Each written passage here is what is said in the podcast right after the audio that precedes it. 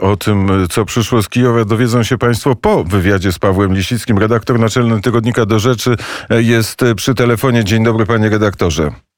Dzień dobry panu, dzień dobry państwu. Nakrył się pan pewno kocem i kołdrą, kiedy pan słuchał wystąpienia marszałka Grodzkiego wczoraj w telewizji publicznej. A dlaczego kocem i kołdrą? Ze strachu. Ze strachu. I z zimna i z zimna przenikającego myśl o tym, że mamy do czynienia w Polsce z 2-13 grudnia. Rozumiem, że o tym, że o tym pan redaktor mówi, tak? E, tak. W tych nawiązaniach pana marszałka. Nie, no w tych, w tych kategoriach to oczywiście był czysty kabaret, no, ale może jedyne, co mnie uderza, to, że pan marszałek i inne osoby, bo zakładam, że no nie on sam tak myśli, albo jest jakaś taka grupa ludzi, która faktycznie porównuje hmm, sytuację dzisiejszej Polski z grudniem 81 roku, że oni naprawdę w to wierzą. I to jest czymś najbardziej zdumiewającym w tej historii. Pokazuje tylko, jakby to powiedzieć, bezgraniczne możliwości ludzkiego umysłu y, i ludzkiej wyobraźni, która y, no, potrafi kreować rzeczy nieistniejące i y, wierzyć w to z całym zaangażowaniem, a przynajmniej na jakimś etapie wierzyć w to z całym zaangażowaniem. A pan nie boi się tego, że rządy autorytarne i wolność słowa w Polsce są zagrożone? W końcu e, podatek e, medialny został przedstawiony. Projekt tego e, podatku, tej ustawy został przedstawiony. Media,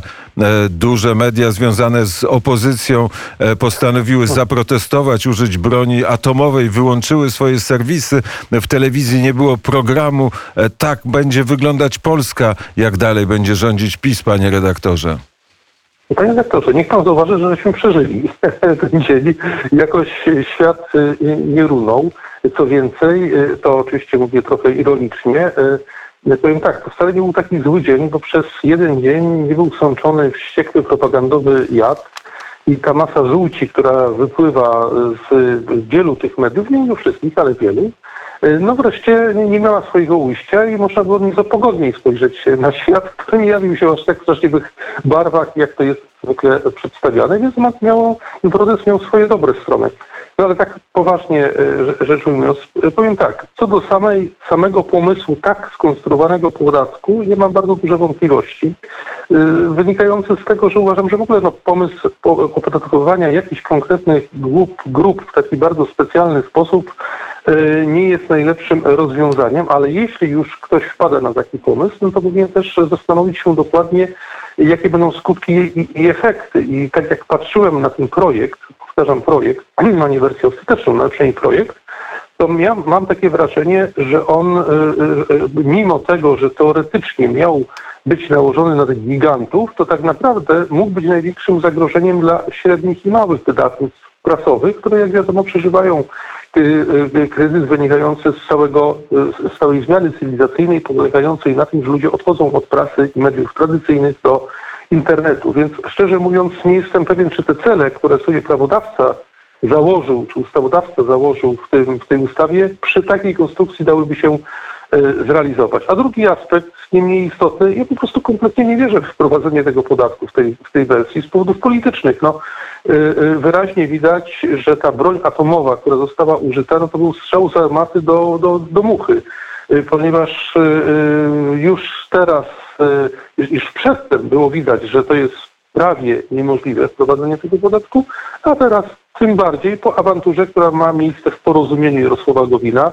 Najprawdopodobniej y, zakładam, że zarówno on, jak i związani z nim posłowie y, zagłosują przeciwko takiemu projektowi. Jest jeszcze Senat, który to odrzuci, znaczy nie, nie będziemy czego odrzucać, jeśli Sejm tego nie przyjmie. No i tak dalej, i tak dalej.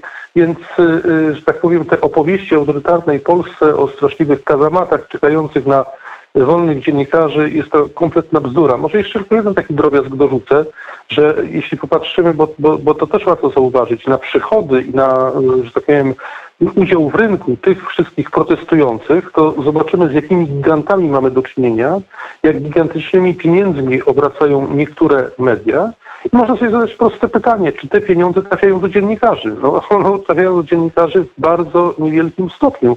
Tak naprawdę, jeśli ktoś z nich korzysta, to właśnie szefowie tych koncernów, to właśnie zarządy, to właśnie menadżerowie.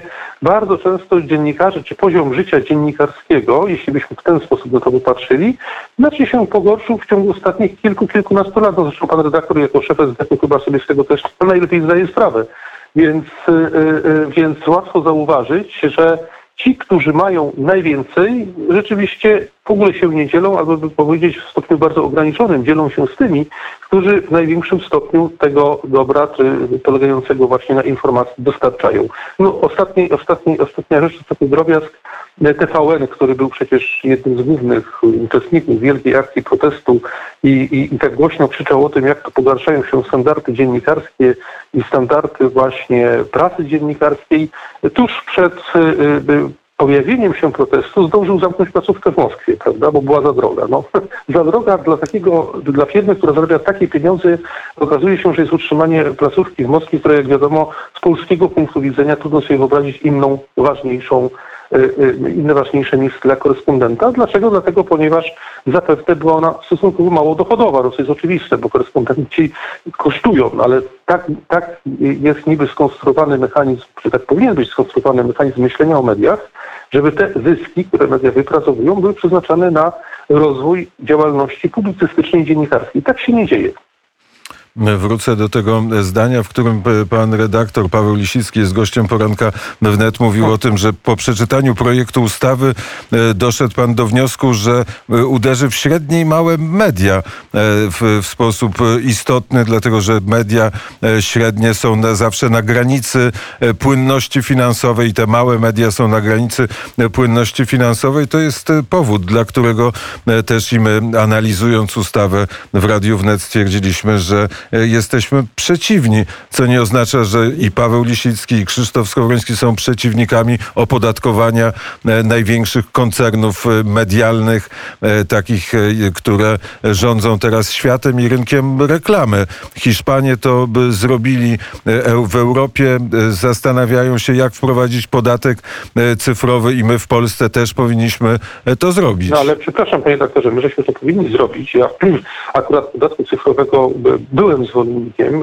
e, i uważałem, że to jest dobre rozwiązanie, no ale rząd przygotował nawet taki projekt, no ale co się wtedy wydarzyło? Wtedy ambasadorem w Polsce była pani Mosbacher, pani Mosbacher tupnęła nogą i rząd wycofał się z, z pomysłu. No to jest, to jest i teraz w związku z tym, co, z czym mamy teraz do czynienia, jest trochę taką atrapą i przyniesieniem środka ciężkości. No zamiast zrobić to, co rząd powinien zrobić, czyli no niestety, ja wiem, że to się wiąże z konfliktem z naszymi największymi przyjaciółmi, jakich kiedykolwiek Polska Polska miała, czyli ze Stanami Zjednoczonymi, no ale wydaje mi się, że jeśli mówimy poważnie o polskiej suwerenności, polskim interesie, to w polskim interesie leżało nałożenie takiego podatku cyfrowego i pójście na zwarcie z tymi wielkimi gigantami jak Google, jak y, y, y, Facebook, prawda? To są te potęgi. Stamtąd można było te pieniądze e, dostać, które do Polski w ogóle nie trafiają, tak? A są tak naprawdę, jak popatrzymy na pozycję rynkową i przychody tych firm w Polsce, to zobaczymy o jakich, o jakich miliardach my tutaj mówimy.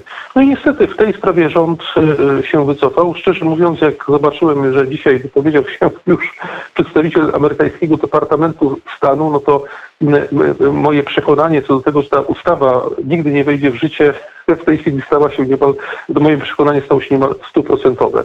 A rzeczywiście ostatnia rzecz, no jak się przygotowuje taki projekt, to, to, to, to, to sytuacja, w której no największe obciążenia albo y, istotne obciążenia miały dotknąć firmy wydawnicze małe i średnie, świadczy o tym, że ustawodawca nie przemyślał tego projektu i to jest tym bardziej dziwne, że miałem na to wystarczająco dużo czasu, żeby to zrobić roztropnie, a nie tak jak to. A czy y, tacy polscy giganci medialni, Twoim zdaniem, powinni być opodatkowani? Mówię, ja w ogóle jestem, nie, no bo zawsze zaczynamy myśleć o tym, że zaczynamy, zaczynamy dzielić na grupy tych gigantów, prawda? Kto jest gigantem, a kto nie jest, tylko aspiruje. Y, do tego, żeby być y, gigantem. Y, zawsze jestem zwolennikiem podatków, podatków w równy sposób dotykających wszystkich, tak bym powiedział. Tak? Natomiast jeśli mówimy o tym, że te pieniądze są wyprowadzane z Polski, a tak jest w przypadku gigantów zagranicznych, no to to jest argument, który mówi o tym, że jednak w tym przypadku podatek cyfrowy miał sens. Natomiast, natomiast tutaj sobie wyobrazić ustawę, która by była skierowana tylko przeciwko jakiemuś jednemu czy kilku podmiotom, ponieważ oznaczałoby to złamanie reguł dobrego zarządzania państwem. No tak mi się wydaje. Ten protest medialny odbił się oczywiście szerokim echem na całym, na, e, na całym zachodzie przejętym demokracją i wolnością w Polsce.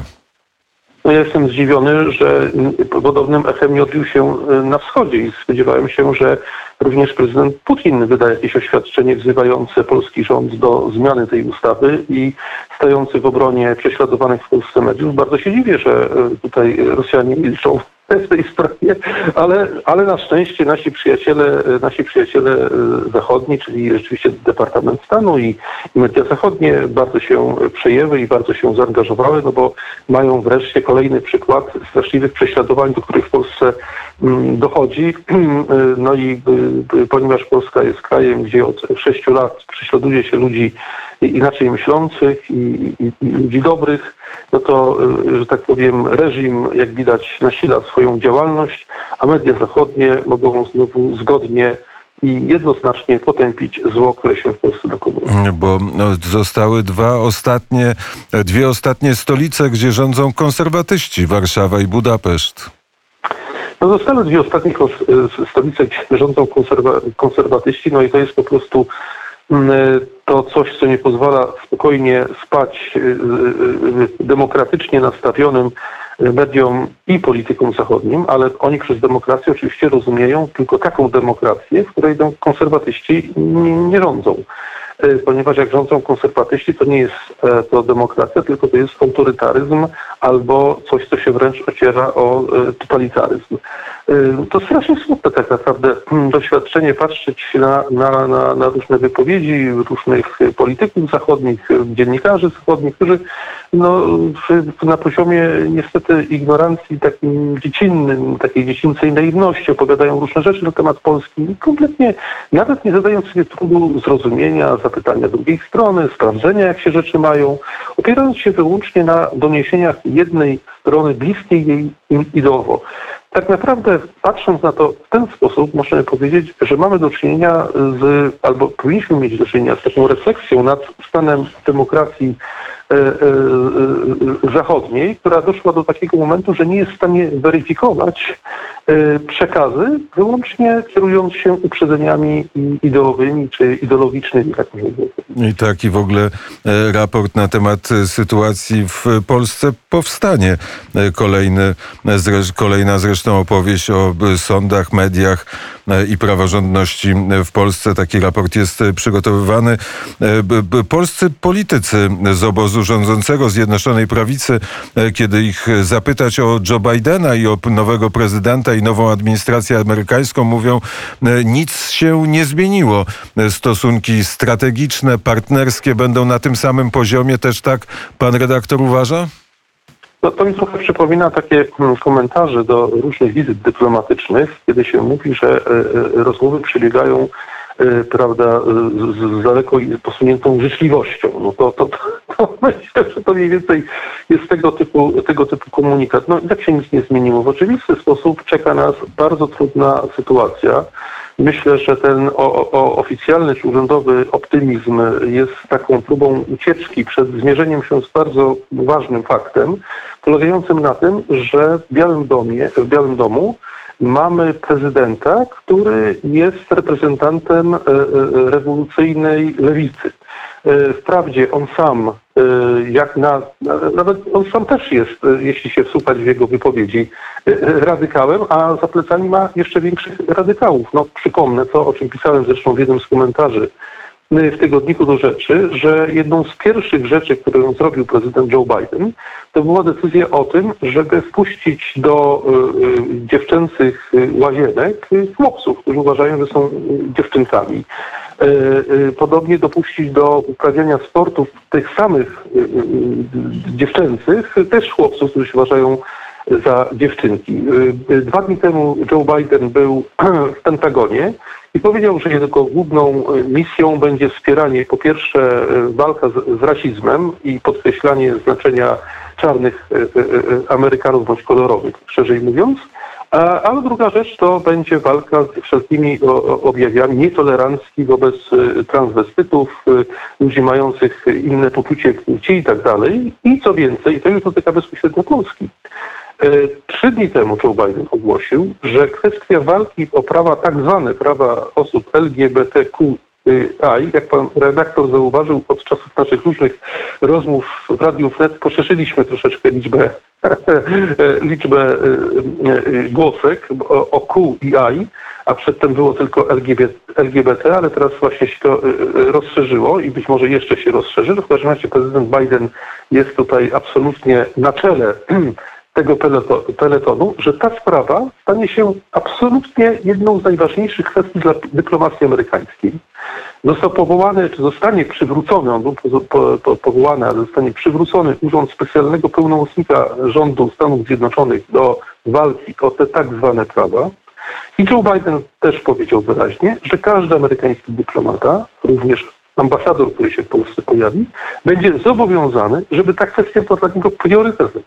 Więc co to oznacza dla Polski? To oznacza dla Polski wejście w, nazwijmy to, natychmiast w możliwy bardzo ostry spór ideowy i cywilizacyjny z nową administracją amerykańską. Należy się w związku z tym spodziewać, że ten konflikt będzie narastał. No można oczywiście mówić, że, się, że go nie będzie, można przed tym uciekać, można mówić, że wszystko będzie wspaniale i różowo, ale ja uważam, że e, w takich sytuacjach lepiej nazywa, nazywać rzeczy po imieniu, wyraźnie zdefiniować, nawet powiedzieć nasze granice non possumus, na które Polska się nie może zgodzić i od samego początku dać wyraźnie Amerykanom do zrozumienia, że mimo ich gorliwości misjonarskiej na rzecz szerzenia tęczowej rewolucji, Polscy jej szerzyć nie mogą, nie będą i spotkają się z bardzo mocną odpowiedzią. Tak ja uważam, ale zakładam, że inaczej uważają polscy politycy prawicowi, którzy uważają, że uda się tę sprawę zagłaskać albo uda się pokazać, że jej w ogóle nie ma i jak zwykle w pewnej sytuacji staną po prostu, zderzą się ze ścianą i wtedy nie będą już mieli za bardzo wyjścia i będą mieli znacznie słabsze karty, niż gdyby wyraźnie i jednoznacznie pewne rzeczy zaprezentowali na samym początku. W czasie na naszej rozmowy padły słowa o awanturze w porozumieniu. Co o tym myślisz? No nie wiem co o tym myślę, dziwactwo jakieś tam naprawdę, to znaczy zakładam, że powiem tak, ja e, oczywiście e, rozumiem, że polityka to nie jest tylko gra białych rękawiczkach i, i, używając takiego starego określenia, używanego chętnie przez pewnego już nieżyjącego polityka, że to nie jest wersal, ale jeśli już się ktoś, ktoś kusi o przeprowadzenie zamachu stanu, to robi to skutecznie. A to jest jakieś takie dziwne, no bo zakładam, że Adam Bielan, który ten zamach stanu w porozumieniu zamierzał przeprowadzić, no ostatecznie ma ze sobą tylko jednego, bądź jeszcze może nie wiem, jednego posła, jednego senatora, to nie jest dużo, a obrońca porozumienia e, Jarosław Gowin e, tak skutecznie zarządzał tą partią, że nawet formalnie nie do końca wiadomo, czy jest jej prezesem. Więc wszystko razem dla mnie jednak ma wymiar trochę, trochę niepoważny kabaretowy. I o tym wymiarze będziemy rozmawiać za chwilę, za kilka minut z Adamem Bielanem. Panie redaktorze, bardzo serdecznie dziękuję za rozmowę. Dziękuję bardzo. Paweł Lisicki, redaktor naczelny Tygodnika do Rzeczy, był gościem e, poranka wnet.